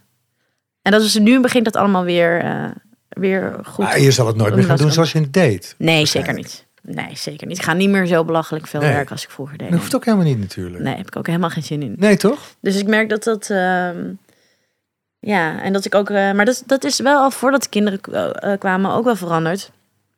Toen ik met Melgie een relatie kreeg. Want eerst, na, eerst was hij nog student en was alles heel los. En vanaf het moment dat hij ging werken, hij heeft heel veel structuur nodig. Dus hij zei toen al: ik ga om tien uur naar bed. En in het weekend heb ik vrij. En daar ben ik in meegegaan. Het was heel goed voor mij. Ja, dat geloof ik. ja. Dat is net wat je nodig had ook. Ja, ja. Ja, en ik vind het ook vaak gewoon leuker eh, om met hem te zijn dan eh, om aan het werk te zijn. Ja. Dat is ook een verschil. Ja. Want eerst vond ik werken het aller, allerleukste. Ik vind nog steeds fantastisch. Maar niet zo fantastisch als eh, lekker met hem of de kinderen te zijn. Dus dat is ook, ook, ook een ehm, voordeel voor mij. Een, Het is zo leuk om jullie foto's te zien. Dan voel ik echt liefde. Dan denk ik, wauw, ja. zo mooi dat jullie elkaar gevonden hebben. En dat gezin en nu naar buiten. Dan denk ik, dat doe je, doe je gewoon heel goed. ja, we Je hebt zijn heel ook goed echt geluisterd heel, naar eh, jezelf. En eh, Ja, we zijn heel dankbaar allebei. Terwijl we, eh, vooral Melchior, die riep altijd, ik ga nooit Amsterdam uit. Nooit. ja? en ik hield ook altijd gewoon heel erg van Amsterdam. Ik dacht ook, ik ga niet weg. Maar wel bij die eerste zwangerschap had ik wel een beetje, dat ik dacht, oh ja, is, dat is wel veel. Dat voelde ik toen heel erg. Maar bij Mel kwam het veel later. Maar die is ook, eh, die wilde gewoon per se boven NAP. Want die houdt al die, eh, oh ja. al die klimaatrapporten heel erg in de gaten. Dus die was daar ook heel erg mee bezig. Dus dat was ook een extra. Maar we hadden ook in een andere stad kunnen gaan wonen. Maar nou, we wilden echt wel. Want woon je nu eh, boven NAP? Ja, net. Ach, wat goed. Net. Maar het moet niet te veel opzuigen allemaal. Want wat denkt Melchior dat dat in hoeveel jaar eh, fout kan gaan? Nou, ja. ehm, hij denkt dat het wel over 20, 30 jaar fout kan gaan als er niks verandert. En als er niet, niet, als er niet allemaal, allemaal dingen worden gedaan. Hele enorme dijken worden gebouwd. En ehm, Want de hele Randstad schijnt dan onder water te komen staan, toch? Ja, nou net op het randje. Wij zitten echt net, wij krijgen, wij worden een soort Opvangplek. Bloemendaal. Oh Bloemendaal ja. worden wij. Ja, opvangplek. Ja, dat kan ook. Iedereen kan bij rennen of komen mensen naar jullie toe, ja. Ja, nou, dat eh, mag dan. maar nee, ja, ik, wij hopen natuurlijk dat, eh, dat er iets gaat gebeuren. Maar het is, ehm, kijk, het idee van nu dit huis kopen was ook dat dat een huis is wat misschien later naar de kinderen gaat. Dus het gaat veel verder vooruit dan ons eigen leven. Ja, wat goed. Hè? Ehm, maar misschien gaan we het over tien jaar ook alweer verkopen en gaan we weer wat anders doen hoor. Dat kan ook. Ja. Maar we wilden wel op die manier een huis kopen. Dat je iets hebt waar je. Want de angst over de toekomst, dat lijkt me met kleine kinderen ook lastig. De- die- Ja. Dat gevecht van, god, wil ik nou kinderen? En dan, Mhm. je, je bent somber over de toekomst. Tenminste, dat, dat begrijp ik een beetje uit. eh, Nou ja, ik maak me wel zorgen over de toekomst, maar ik ben niet somber. Want ik geloof wel dat we nog steeds echt dingen kunnen veranderen. En het kunnen niet meer terugbrengen, maar we kunnen het wel tot stilstand brengen. ja. Maar er moeten wel dingen gebeuren. ja, maar het gebeurt verdomme niet. Ik ben, Ja. Na corona dacht ik, jezus, dit is zo'n gemiste kans. ja. En nu moeten we net doen alsof... Weet je wel, ik vind het echt lastig. Ik heb, ik heb gisteren met een taxichauffeur er ook over. En dan, dan voel ik echt helemaal me onpasselijk worden dat niemand iets doet. Ik stond in de file naar Hilversum. Ja. En hij zei, ja, dat was voor corona zelfs nog minder. ja. En ik denk, jezus. Maar dat was op een donderdag, hè? Ja, dat zei hij ook. Donderdag Ja. is de drukste dag. Hoezo? Ja. Nou, omdat er dus veel meer mensen thuis zijn gaan werken. Eh, meerdere dagen. Maar dan heb je dus twee dagen waarin de meeste mensen nog naar kantoor gaan. En dat zijn dus de donderdagen en de dinsdagen. Want de vrijdag is natuurlijk een chille dag om vrij te hebben. Of de maandag, want zitten Lekker aan lang het weekend. weekend. zo, ja. Aan de woensdag en midden in de week. Dus die dinsdag en de donderdagen zijn de, de, is het meeste verkeer. Ja. Maar ja, dat is dan denk ik nog ineens het ergste. Ik denk dat, dat, maar ik zie heel veel mensen die wel dingen doen. Ik ook hoor. En, en daar Ja. concentreer ik me ook op. Maar als Ja. je de kranten leest, wat ik bijna nooit doe. Te- Mhm. En gewoon mensen ook zie in mijn omgeving die nog steeds heel veel reizen en heel veel. Ja, Dan denk ik, ah, vlees eten bijvoorbeeld ook. Ja. Ik bedoel, iedereen mag van mij vlees eten, maar ik vind het ook raar Als er zoveel alternatieven zijn en Ja. je weet wat voor eh, gevolgen het heeft, dat je denkt, nou, ik wil toch mijn, mijn gehaktballetje wel hebben of mijn stukje biefstuk. Ja, dat is, Vind ik zo moeilijk. ja, ja, dat is ook moeilijk. Maar waar ik heel erg ehm, ehm, rust en hoop uithaal is door andere dingen te laten zien hoe het ook kan. Ja. Dus eh, ja, ik heb nu al best wel heel lang veganistisch. De kookboek is ook veganistisch. Is het, en dat eh eerst of tweede kookprogrammaatje, online kookprogrammaatjes maken is veganistisch. En ik, ik ga er echt niet van uit dat iedereen eh, helemaal veganistisch wordt. Maar ga wel. een paar jaar geleden als ik naar vrienden ging, dan was het gewoon: dit is een borreltafel en hier staat één bakje olijven voor jou. Nu als ik ga, dan hebben ze in de supermarkt gezocht, ook omdat veel meer mogelijkheden, staat die hele tafel vol met alles wat Ja. je kan eten. En dan eten ze dat zelf ook, omdat Ja. ze het ook heel lekker en leuk vinden. Dus er zijn wel echt dingen aan het veranderen. En ehm, je kan ook mensen ook heel positief inspireren. Dat vind ik ook zo leuk aan Instagram. Dat je gewoon allemaal dingen kan delen. eh, hoe het ook anders kan. En ik probeer juist niet te veel te kijken naar allemaal filmpjes van slachthuizen. En, en heel dingen, deprimerende dingen. Maar juist tegenovergestelde. En nu, ja, ik woon nu in een dorp. En daar zijn heel veel koeien. Er zitten twee melkkoeien, ehm, ja, fabrieken noem ik het. En als je kijkt naar die koeien, die zijn heel schuchtig als ze in de weilanden staan. Echt, ze zijn echt bang voor mensen. En dan heb je een andere boerderij, dat is een biodynamische eh, rundvleesboerderij. En dat zijn alleen maar stieren en die lopen allemaal door de velden. Maar als ze je zien, komen ze naar je toe, zijn niet bang voor mensen. Dat is al een heel groot verschil. Ja. En nog steeds, ja, ik ga wel vaak naar die boerderij brood, kopen.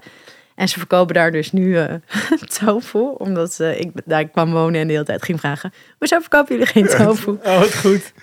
en dat loopt dus heel goed daar. Ja, Dus oh. dat is heel leuk. Ja. Want ik was op vakantie. Ik dacht, oh, straks hebben ze, zitten ze met de hele bash tofu. Maar dat was allemaal... Nou, werd het goed verkocht. Ehm, maar dat is alweer zo'n verschil tussen die soorten dieren, hoe ze behandeld worden. En ik denk, ja, in mijn ideale wereld zouden nooit, zou nooit dieren gegeten worden of, of, Ja. of koeien om de zwanger gemaakt worden en de- hun kinderen. Schrikkelijk vind ik het. Ja, het is echt heel sneu. ziet. Echt Ik heb het, sinds ik de hond heb, ben ik me nog bewuster van dieren. Mhm. Hij komt uit de Oekraïne. Hij is net voor eh, Oh. eh, de oorlog zeg maar, hier gekomen. Ja, Maar als ik bedenk hoe gevoel... Nou ja, het is gewoon een, een, een, een gevoelsbeest, Ja, zeg maar. Het is, ja. Er zit alles in wat een mens ook heeft. Zeker. Alleen de woorden niet. ja, En als, als ik bedenk dat hij daar nu nog zou zijn... Ja, dan zou hij niet meer geleefd hebben. nee. En hij is er één van de nou, miljoenen waarschijnlijk. En dat is een dier, een, een, hond. Dan heb je al die katten en al die... Er werden heel veel Koeien. dieren meegenomen ook, hè? Mensen namen allemaal hun dieren mee. Vanuit eh, Oekraïne. Ah ja? ja. Oh, Zag je toch op het journaal? Er is allemaal mensen Ja, met ik heb katten journaal, en dat dan... kon ik niet aan. Oh ja, snap ik. Ja. Ja. ik heb toen niet, het- begon, heb ik wel veel gekeken. Heel veel mensen kwamen met hun huisdieren. Ja, ik zou het ook doen. Ja, ik ook. Ik zou het niet... eh, Maar ja, als je die achter moet laten, weet je wel. Dat, ja. ja, hetzelfde als... Nou ja. afgrijzelijk. Ja. ja, heel erg. het is gewoon een onderdeel van je, van je gezin. Maar ik begrijp niet dat mensen het onderscheid kunnen maken tussen het ene dier en het andere. Ik bedoel, een koe Hmm. of een varken, dat zijn ook super... ehm, Varken is nog, nog slimmer Nog dan... slimmer, hè, eh, ja. ja. Ja, dus eh, volgens mij heeft, hebben, ze- de, hebben varkens de intelligentie van een kind van zes, volgens mij. Ze zijn gewoon slimmer dan mijn kinderen. ja. En dat wij dan ongelooflijk. al die varkens zo behandelen, joh, dat vind ik zo. Ja, maar dat vind ik sowieso, ik ben nu 63 en ik, ik heb echt last van het leven dat ik heb gedacht dat ik altijd het goede, of dat wilde ik, het goede, weet je wel. En ook Mhm. stemmen op een partij waarvan ik dacht, en het heeft uiteindelijk helemaal niks uitgehaald. Mhm. En dat vind ik wel vrij pijnlijk. Dat ik denk, jezus. Dus ik moet het op een andere manier doen. En eigenlijk vind ik het heel goed wat jij zegt. Want dan probeer ik ook gewoon kijken naar de dingen die goed zijn. Ja. En zelf laten zien. eh, Live by example. Mhm. Dus, dus, dus doe het gewoon voor jezelf. En dan Ja. zien andere mensen ook wel of ze dat iets vinden. Ja. En dat is in ieder geval een, een fijnere, ehm, voor jezelf fijner. En Ja. ik merk dat het werkt ook. Ja. Nee, zo is, ik, dat is de enige manier waar voor mij het... eh, Ja, Maar als ik kijk naar mijn- want mijn kinderen die eten ook veganistisch, behalve dat ze dan wel ehm, biodynamische eieren krijgen. En als zij op een gegeven moment zeggen ik wil vlees eten, is het ook goed. tuurlijk. Maar als ik dus nu tegen hun zeg, sommige mensen eten die koe op. Nou, zijn ze boos. Of ze Tuurlijk. eten die kip, zijn ze echt boos. En ik krijg wel eens dan kritiek van mensen dat ik voor hun beslis dat zij geen dier mogen eten. En dan denk ik, maar dat is niet waar. Jij Nee. beslist voor je kinderen dat zij dier eten, terwijl zij niet weten dat het een dier is. Precies. Dus wat is dan. de- Maar dat is zo gek. Dat is zoiets. Ja, Terwijl je moet natuurlijk wel, als je. Je moet het is een andere manier van eten. Dus je moet echt wel goed weten wat je kinderen in de groei eh, te eten geeft. Als je ze niet de standaard dingen die je in boekjes kan lezen. Schijf van vijf en zo. Ja, is ook onzin. die bestaat volgens mij niet meer. Nee, nee. is aangepast. Ja, Dat is iets aangepast. Maar ja. nog, Ja, maar zij moeten wel ook anders eten dan ik bijvoorbeeld. Dus ik moest daar Ja. wel veel... Het kost wel meer tijd dan wanneer je zegt... Oké, ze eten gewoon eh, kip en eh, weet ik veel wat allemaal. Ehm, maar ik denk als je, als je bij de aard... Of al begint met tegen kinderen vertellen wat ze eten... dat ze ook hele andere keuzes zouden maken. Maar dat je op een gegeven moment er zo aan gewend bent... dat je het ook als twee losse dingen gaat zien. Dus dat, ja... ik weet dat ik als kind ehm, melk en eieren en zelfs ook vlees dacht dat er wel dieren waren die dat ook, maar dat wa- wat wij aten gemaakt was in de fabriek. Ja, ja, ja. Ik heb echt heel lang niet geweten dat eieren gewoon eh, door die kippen gelegd werd. Ja, Omdat ik gewoon uit een stad kom ook. ja, Dus dat is ook al raar, weet je wel, dat je helemaal niet die verbinding maakt. En, dat, en alle reclame voor vlees vind ik ook shockend. ja. Scho- Chockerend hoe, hoe er dan zo nu lekker over een stukje eh, vlees wordt gesproken. En de dieren die dan Oh. lekker in de wei, dan denk ik, jezus, hoe durf je? Maar er is nu een reclame op de radio, wat ik steeds hoor, over eh, de bo- koeienboeren. Over hoe lief zij zijn voor de koeien en hoe gelukkig die koeien zijn. En denk ik, want ze mogen lekker naar buiten en ze krijgen lekker te eten. Maar ze zeggen niet, ze worden eh, met een machine zwanger gemaakt. Hun Ja. kinderen worden van hun afgepakt. Het is dus echt eh, heftig. Heb je dat boek gele- gelezen, Ooit aten we dieren?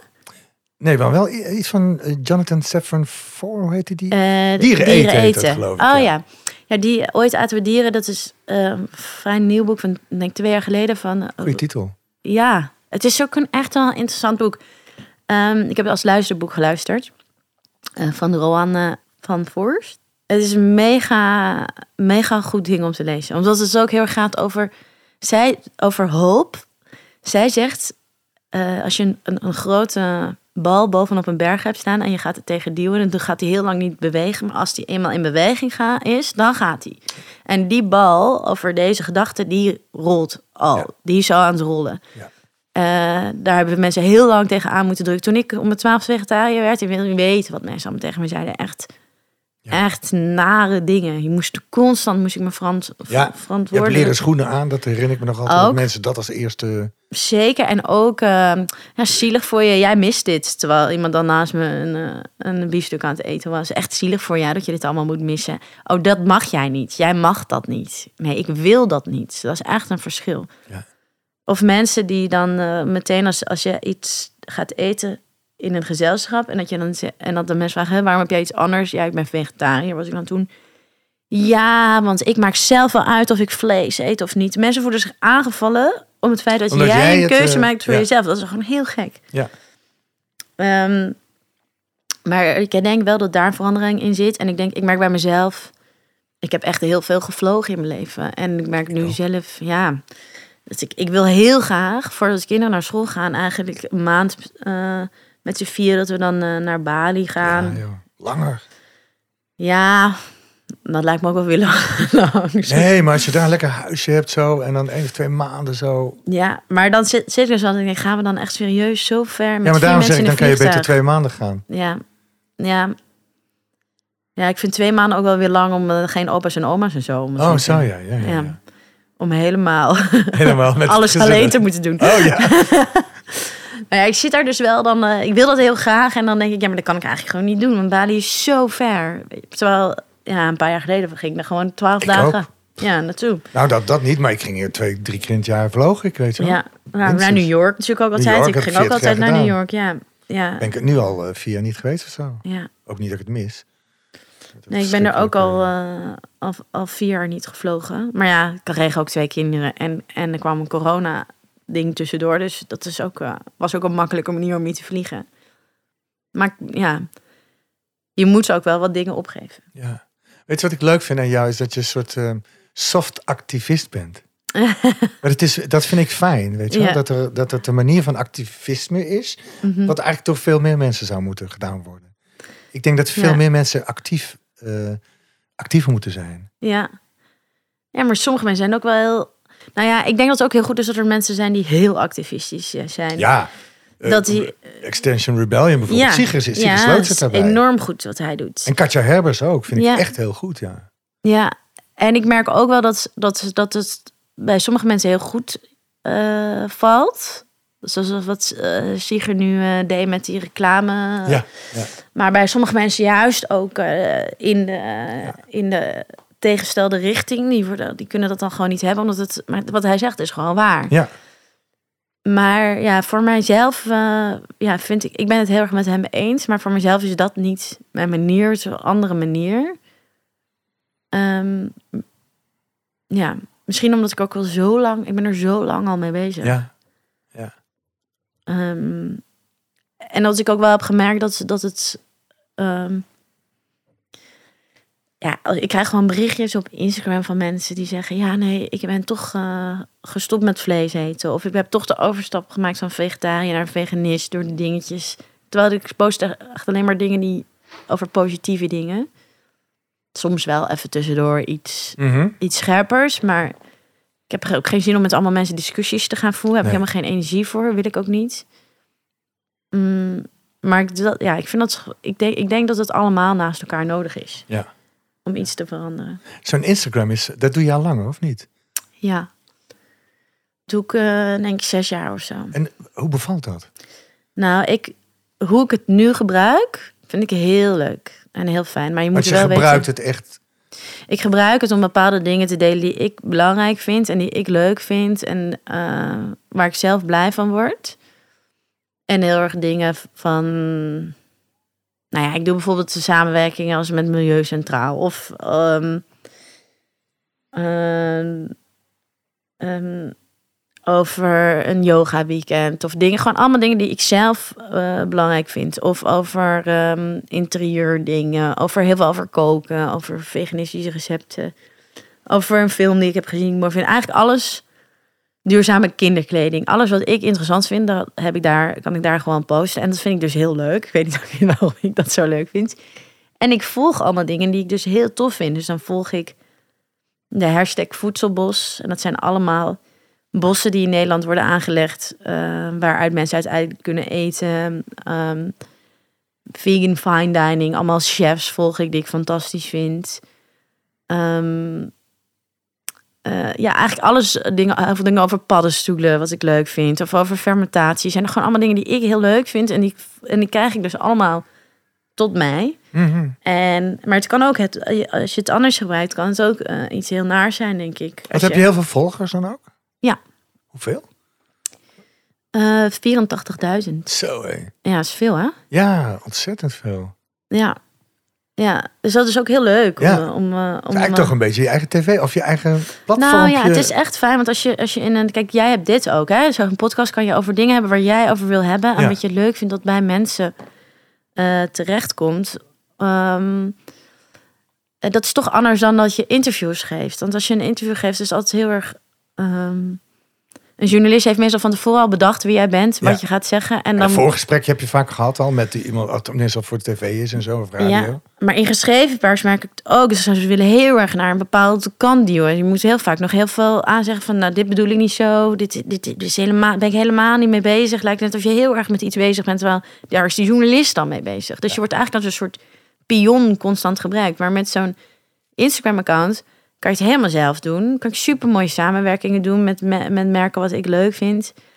Ehm, dus dat is, is heel, ja, je kan heel erg naar je eigen hand zetten. En dat is natuurlijk voor jou met zo'n podcast ook. Je kan over dingen hebben waar jij over wil hebben. Ja. Zonder dat je in een hokje wordt geduwd. Of, eh, Ja, dat is juist zo leuk. Ja, dat je gewoon helemaal het kunt doen zoals jij het wil. ja, Niet met al die, wat, ze- wat ze zeggen dat je moet doen om. ja, ja. En ik heb net dat Instagram eh, ontdekt, omdat ik dat nu ook aan het doen ben. Of iemand doet dat dan samen met mij. Ja, En ik vind het eigenlijk heel irritant, omdat je dus heel tijd met het scherm bezig bent. En er staat Mhm. zoveel op. Maar aan de andere kant, als ik kijk naar mijn eigen ding, denk ik, nee, ja, maar je kan wel je eigen, ja. nou ja, wat jij En zegt. jij moet je- alleen maar dingen volgen die, ook, die jou iets geven. Je moet geen dingen volgen. Kijk, als mensen gewoon hun Instagram gebruiken om de hele tijd alleen maar eh, eh, recensies over zichzelf op te posten en te laten zien. nou, ja, ik ben er vrij snel eh, Ja. afgehaakt. Ja, Ik denk, heb ik helemaal geen zin in. Want dan ga je weer denken, oh, die heeft dus alleen maar goede recensies. Oh, heb ik dan eh, een slechte recensie? Dan gaat er helemaal dingen met je zelfbeeld doen, wat helemaal niet goed is. Ja. Of alleen mensen die de hele tijd alleen maar foto's van zichzelf in een bikini willen posten. Nadat Ja. ze net eh, bevallen zijn en na een week weer in een bikini kunnen. Dan denk ik alleen maar, oh ja, nou dat kan ik niet. En dan ga ik, ga ik me rot voelen over mezelf. Dus zulke mensen moet je gewoon niet volgen. Je moet Nee. gewoon mensen volgen die, die tof inspirerende dingen doen. En volg je dan heel veel mensen ook? Ja, ja, ik denk wel 2000 of zo. Maar je krijgt het allemaal niet te zien, hè? Nee, nee. Je krijgt maar heel beperkt, beperkt of misschien, misschien zijn het er 1200 hoor, kan ook, ik weet Ja. niet precies. Maar ik volg niet, dat zijn niet allemaal mensen, het zijn ook vooral heel veel eh, bedrijven. Ik volg heel veel duurzame merken, kleine kledingmerkjes, ehm, biologische boeren volg ik veel, ehm, mensen met eh, ja, zulke soort Leuk. dingen. Ja. Superleuk en super leerzaam. Dus ik zoek ook heel vaak, als ik dingen wil weten, zoek ik het daar op. Als ik wil weten, ja, bijvoorbeeld, eh, dan heb ik nu die, die, wat ik net zei, die van die pluggen voor in een boomstam. Dan heb ik een boomstam waar ik dan eh, pluggen voor zwavelzwam in doe. Want het, zijn, het is een fantastische paddenstoel, een soort de chicken of the woods heet dat. Mhm. Die kan je dus wel heel een beetje in het wild vinden, maar dat vind ik echt nog eng. En die kocht ik dan wel eens bij de, op de Noordermarkt. Maar ja, dan ga ik nu niet meer, het is te ver weg. Dus ik ga, dacht, ik ga dat doen. Maar dat heb ik ook via Instagram gevonden. Iemand die dat, oh, die, die pluggen maakt. Ja, het is gewoon mega leuk. Wat goed zeg. Hey, yin yoga wil ik nog even over hebben. Want Ja. ik ben ook een vervente yin, yin Mhm. yoga. Hoe is dat bij jou gekomen? Op een gegeven moment had ik, eh, had ik ontdekt dat als ik bij yin, ik deed gewoon allerlei soorten yoga. Mhm. Maar bij yin, dat, dat ik, als ik dus, ik had te veel pijn in mijn rug. En als ik, dat ik dan in een houding zat en dat het dan klik, klik, klik, klik. En dan was de pijn weg. Ehm, dus daarvoor ging ik het eigenlijk doen. En later merkte ik dat het ook heel erg veel deed voor mijn geest. Ja. Eh, spiritueel dingen ook ervaarde tijdens die uh, yogales. Of gevoelens Ja. dat ik wist dat het goed ging komen als ik zwanger was. En zoek, dat, het, dat er nog iets bij kwam. En ik merk dat dat vooral, wat jij nu beschrijft, het, het fijnste is voor mij. Dat ik, dat, ik, dat ik hoor wat er in me gebeurt. En ook, zeg maar, de stemmen, de juiste stem. Ja, Waar ik naar moet luisteren. En niet naar al het gekakel wat er eigenlijk altijd eh, de hele dag doorgaat. ja, Dus die, dat is zo'n stilte moment. In het begin was ik vooral bezig om lijstjes te maken en dingen die ik moest doen. ja. En dat is nu helemaal niet meer. Op het moment dat ik daar ben Ja. en ik zit daar, dan denk ik, ah, lekker. Even een uur los. Ik kan het dus ook wel misbruiken. Maar dat is, dat is gebruiken, dat is niet misbruiken. Ja, maar dan om, om dan dat ik dan... Dan weet, dan weet ik, ik wil iets maken en dan zit ik daar en dan gaat het zo. En dan, denk ik- en dan heb ik dus de ruimte daar om alle Ja. kwartjes te laten vallen. Terwijl je mag dan aan niks denken. Dan zit ik... Nee, maar ik vind dat, ik, ik, ik, ik doe dat soms ook. Ja, Ik denk, nee, nu vandaag, ik voel dat ik niet eh, stil kan zijn. Ik ga nu even. Nou, Ja. En dat is toch heel fijn, want dan Ja. komt er rust in je creatieve Mega fijn. proces of zo. Wat je, hoe je het aan wil pakken. mega fijn. Hé, luister eens. Wat zou je jonge mensen mee willen geven? Eh, wat je zelf eerder had willen leren? Ehm, dat, dat geluk niet in succes zit. Ik denk dat dat het allerbelangrijkste is. Ik denk dat dat een valkuil is die heel veel jonge mensen Maar maken. wat is succes? Dat eh, je dingen doet waar andere mensen bewondering voor hebben. eh, Of heel veel geld verdient. Of ja, wat... wat Maar dan, dan leg je dat bij de ander, terwijl je kan zelf iets een succes vinden, toch? Ehm, mm, ja, maar ik denk hoe succes wordt gezien door de maatschappij. Ja, roem eigenlijk bedoel je, of niet? Ja, roem en. en eh, ja, maar het hoeft niet per se roem te zijn. Het kan ook zijn. eh, ik zie ook eh, heel veel mensen in het bedrijfsleven. Dat is Ja. dus ook succes. Weet je wel dat je. Dat je maar dat, daar zit het gewoon niet het geluk. Terwijl als je jong bent, denk je wel: oké, ik ga dat en dat en dat doen. En dat ga ik gewoon bereiken in mijn leven. En dan heb je dat bereikt. En dan denk je: oh ja, is dit het nou? En dat het zou wat chill zijn, denk ik, als je weet dat, dat geluk echt iets anders is. Maar ik denk dat het sowieso belangrijk is. Eh, en ik denk dat dat ook echt verandering zit. Dus kijk, naar mijn, mijn kinderen krijgen gewoon op de crash yogales. Ja, Dus er zit al wel, denk ik, een verschuiving in. Dat is gewoon het hele westerse manier van denken. Dat, ehm, dat eigenlijk alles los is van elkaar. ja. In plaats van dat het Dat, één het, bij- ding ja, is. dat het allemaal met elkaar te maken heeft. Ja, en dat geluk echt, eh, echt in andere dingen zit dan... eh, ik ken eigenlijk niemand die gelukkig is geworden van succes. Nee. Nee. Ik Dat- ook niet. Nee, toch? Nee. Nee. Maar je bent wel gelukkig nu. Ik ben nu wel gelukkig, ja. Hoewel, ik, ik, ik eh, las laatst over, of wil je het er niet over hebben, over dat gen van jou. Ja. Want het is pas, eh, kan je daar iets over vertellen? Als je Ja. niet wilt, is er geen probleem. maar Nee, het ik kan er wel wat over vertellen. Want, maar dit, is, dit, is, dit komt dus. Dit, of, want ik weet vanaf een dertiende dat ik 50% kans heb dat ik een gen heb. Dat heb ik verteld in mijn eerste interview in de Volkskrant toen ik een jaar of 16, 17 Daar was. weet ik het volgens mij van.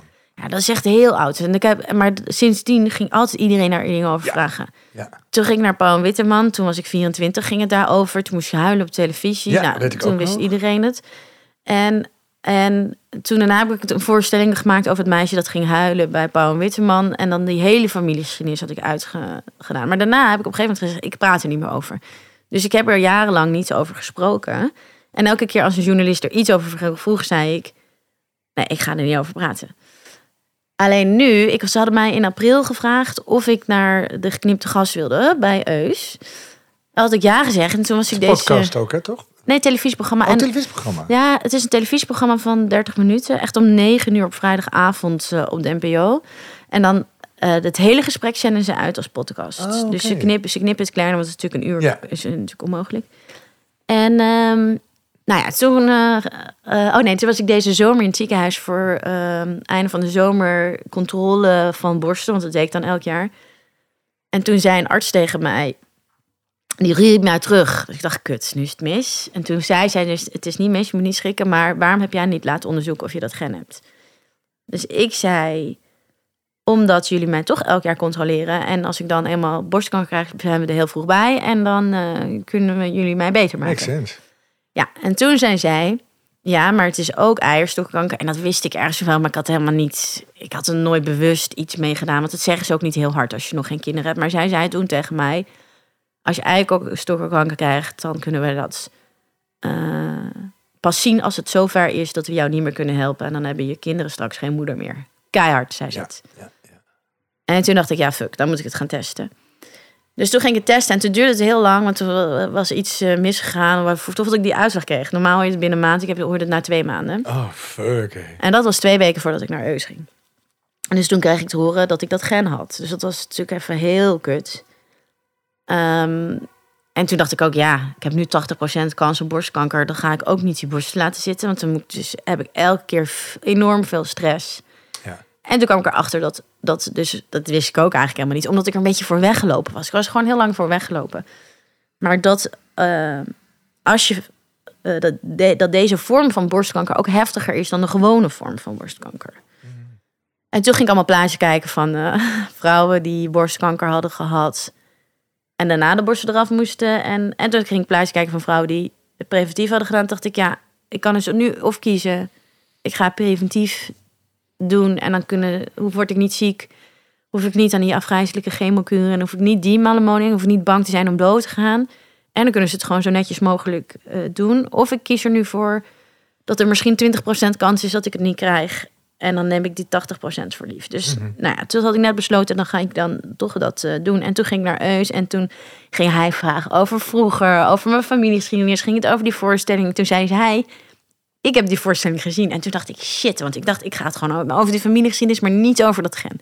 Ah, ja. ja. Dus hij had dat gezien. Dus ik dacht, ja, nu weet hij natuurlijk dat ik misschien dat gen heb. Dus nu gaat hij het vragen. En hij is echt een fantastische journalist. Hij heeft dat zo eh, netjes gedaan. En toen kon ik ook niet meer het niet zeggen. En toen heb ik het gezegd, maar ik wist het nog pas twee weken. En allemaal, heel veel familie en vrienden wisten het nog niet. Dus ik moest iedereen heel snel gaan vertellen... hé hey jongens, even niet schrikken, want oh, straks... zo, ja. En daarna is de hele pers daar een loopje mee gaan doen. En kwamen allemaal van die afschuwelijke eh, koppen. Sanne Vogel laat eh, haar eieren stokken en borsten verwijderen als clickbait koppen. En dat komt dan bij buren terecht. Die helemaal zich het rot schikken Ja. en met bloemen voor de deur staan. En ja, dus die, die... Terwijl ik ben er... Ik, het is kut, Ja. maar het is niet... Het is... Er zijn veel ergere dingen. Ja, het is overkomelijk. En ik ben gewoon heel dankbaar dat ik dit weet. En dat ik in een tijd leef waarop artsen zoveel kunnen. Ja.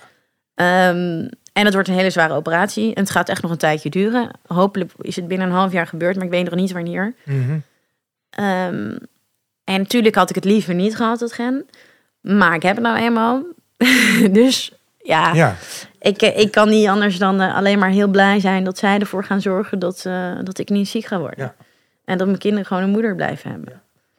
En dan is het ook nog maar 2% kans of zo. Dat, ik het... Dat je, dat, het, dat je überhaupt... Oh, Terwijl de gemiddelde vrouw 10% kans heeft. Om, ja, dus dat is, dan is het ook wel echt een mega verschil. ja, ja. Ja, Jezus. ja is wel heftig hè? Ja. Nee, maar Ja. ook heftig dat dat dan eh, in de pers komt en dat Ja. zoveel mensen het weten. En voordat je zelf dat... Ja, en dat is ook, kijk, dat, dat, dat is dus een beetje de, eh, de keerzijde van als je heel jong al eh, interviews gaat geven. Ja. Ja. ik was gewoon 16 toen. Daar blijven ze op terugkomen natuurlijk. Ja, ik heb, toen had ik al geen idee wat je noemde. Dus op een gegeven moment kom je ook maar. En ik ben ook gewoon, ik, als iemand mij iets vraagt, geef gewoon antwoord. Ik ga niet helemaal, ik, zo ben ik ook gewoon. Maar waar, wat, ik, wat ik eigenlijk wou zeggen is dat ik dus nu wel opgelucht ben dat het op deze manier bij Eus naar buiten is gekomen. En niet dat het gelekt is en dat dan iemand mijn agent gaat bellen en dat ik dan daar heel veel stress over heb. Dus Ja. nu heb, is het op een. Heb, daarna Jij is het iedereen. zeg maar. Ja, ik heb het gewoon op die manier. Ja, ik heb het niet helemaal bepaald, want, want ik was het niet van plan om het te vertellen. Maar het is wel in een omgeving gebeurd waarvan ik denk: dit is fijn. En ik heb het gewoon kunnen vertellen zoals ik het wil vertellen. En dat daarna van alles een loopje meeneemt. Als ik vijf jaar geleden heel erg vond, nu denk ik gewoon: wat ben je een ongelooflijk sukkel als dit je werk is. Ja. Als je hier klikbeetjes om moet krijgen, dan denk ik: wat heb jij echt een sneu leven. Ja, ja. Dat denk ik dan nu. Ehm, dus dan kan ik er wel. ehm, want ik, op een gegeven moment werd ik ook getagd door een, door een magazine in mijn Instagram. Met een kop. Zo'n vogel laat haar borsten en eierstokken verwijderen omdat ze misschien een kankergen heeft. Dus ik schreef terug. Ja, ik ben niet helemaal idioot. Ik heb natuurlijk dat gen. En misschien moet je even iets meer research doen voordat je dit doet. Gaat schrijven, er stond allemaal fout in. Ja, nee, maar ik had een beetje overgenomen van nu.nl. Nou, dat heb ik helemaal niet gelezen. Maar en toen zei ik, ja, misschien moet je gewoon een programma schrijven. En toen schreef die persoon terug. Dit is gewoon van een grote Nederlands magazine. Ja, maar ik had even snel een stukje tussendoor nodig. Ja, En toen schreef ik, maar dit gaat over mijn leven. Ja. Je kan niet zo met mensen omgaan. Ik hoop dat jullie in de toekomst respectvoller met zulke heftige situaties in iemand anders leven omgaan. Dit is niet oké.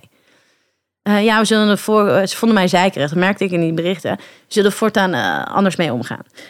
Dat ik denk, er is. Ik dacht ook, ik reageer nu op en ik zeg dit en dan laat ik het weer los. Ja. Kan, dat kan ik heel goed. Ja. Maar dit is wel idioot. Idioot. Ja, en dat is dan weer vervelend als mensen dat dan weer lezen en Ja. dan zich zorgen gaan maken Ja, over mij. Terwijl je hoeft je echt geen zorgen te maken over mij. Want het gaat echt, ik ben nog nooit in mijn leven zo gelukkig geweest. Ja, ik Dus- zie het ook. Dat is fijn. En dit Ja. is toch ook heel fijn omdat het duidelijk wordt. Je hoeft daar verder niet meer mee te... ja, In jezelf ook lijkt me, weet je wel. Als je dit besluit ook genomen hebt. ja.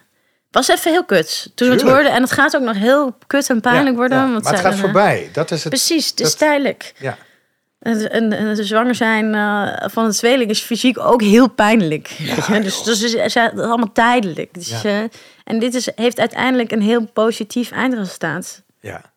Dus ik ben gewoon echt heel, eigenlijk, ja, ik ben heel eh, dankbaar. ja snap Gek ik. genoeg. Ja, ik. ja. Nou, ik, ik hou van jou. Ik En ik- hou ook van jou. Dit gaat gewoon...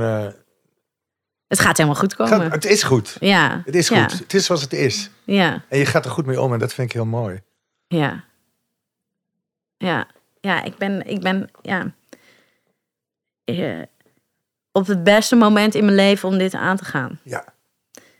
Dus dat, eh, ik denk als ik misschien nu, eh, als het tien jaar geleden was geweest, was het Ja. een stuk ingewikkelder geweest. Ja, hoe is dat voor jou als moeder? Ehm, om, want die, arts die zei dat heel op een hele grove manier. Van Mhm. eh, als je ziek wordt, dan ben je er straks niet meer voor je kinderen. Mhm. En mijn moeder is overleden toen ik 15 was. Ik denk dat zij er echt alles aan had gedaan om dat te voorkomen. Mhm. Omdat ze ook niet mij in de steek wilde laten. Ja. Maar hoe voelt dat voor jou? Vanuit een moederrol. Nou, dat maakt he- heel veel, het heel veel makkelijker om deze beslissing te maken. Want het is het allerbelangrijkste. Mijn, eh, mijn vader, die zijn ouders zijn allebei overleden toen hij 16 was. Dus ik heb als kind dat indirect van hem gevoeld, dat verdriet, hoe dat is. En ik weet dat mijn oma, dus waarvan ik ook dat gen heb, die had dus eh, borstkanker in, eh, in één borst hebben ze die geamputeerd. En toen hadden ze gezegd, nu ben je beter. En toen kwam het terug in de andere borst. En toen zij zo doorgedraaid. Is ze gaan drinken thuis. Dus de, bijna het hele huis in elkaar getimmerd. En toen heeft mijn opa, die eh, vergroeid was doordat hij kinderpolio had gehad... die heeft toen dat hele huis dichtgetimmerd, zodat zij niet naar buiten kon. En toen is ze toch naar buiten gegaan. Toen is ze naar het ziekenhuis gegaan. Toen heeft ze waarschijnlijk die drankfles naar die dokter gegooid. Uit woede, uit wanhoop. Toen hebben ze haar in een gekkenhuis gezet. Terwijl zij wist dat ze zou doodgaan. Een afgesloten inrichting. Toen mocht mijn vader met zijn broer en zusjes af en toe naar het ziekenhuis. Terwijl ze wisten dat zij doodging. En dat gevoel, dat ik weet, dit ook omdat ik, die, omdat ik van mijn vader en die voorstelling heb gemaakt. Maar dat gevoel snap ik heel goed dat zij dat had. En dat je dan, ja, iets is. Ik zou niet. Ik weet, nou, dat is ook nog over yoga. Ik weet dat ik, dat ik. Er waren de kinderen waren een maandje of acht of zo. En toen lag ik in die nieuwe yogaschool. En toen dacht ik, lag ik op die mat en dacht ik, als ik doodga, dat is dan voor, vooral voor Bella. Maar nu inmiddels denk ik, dat is voor New York. Maar voor Bella wordt het leven dan veel moeilijker. Want er is niemand die haar zo goed begrijpt als ik. Gewoon bij alles, bij ze hoeft maar één dingetje te doen. En voel haar 300, ze is gewoon een soort mini-me. Dus dat is Mhm. helemaal geconnect. Zij heeft mij nodig. En ik kwam thuis en ik zei dat tegen Melger. En zei, je moet niet zulke soort dingen zeggen. Waarom zeg je dat? Je gaat toch niet dood? Maar dat is natuurlijk omdat je de hele tijd weet, misschien heb ik een gen. Dus nu voelt het eigenlijk heel erg dat ik dit kan doen en dat gevoel niet meer hoef te hebben. Precies, want ik kan me ook voorstellen dat dat ook bijna een positief gevoel geeft Ja. aan deze ingreep. Omdat je gewoon letterlijk iets kan doen waardoor je het allerbelangrijkste wat je wil doen, kan doen. Ja, ja, zeker. Ja, ik denk dat geen enkele eh, ouder zijn kinderen wil achterlaten. Dus ik was, ik denk een jaar ook 24 of zo, toen maakte ik een eh, voorstelling op Tweetakt Festival.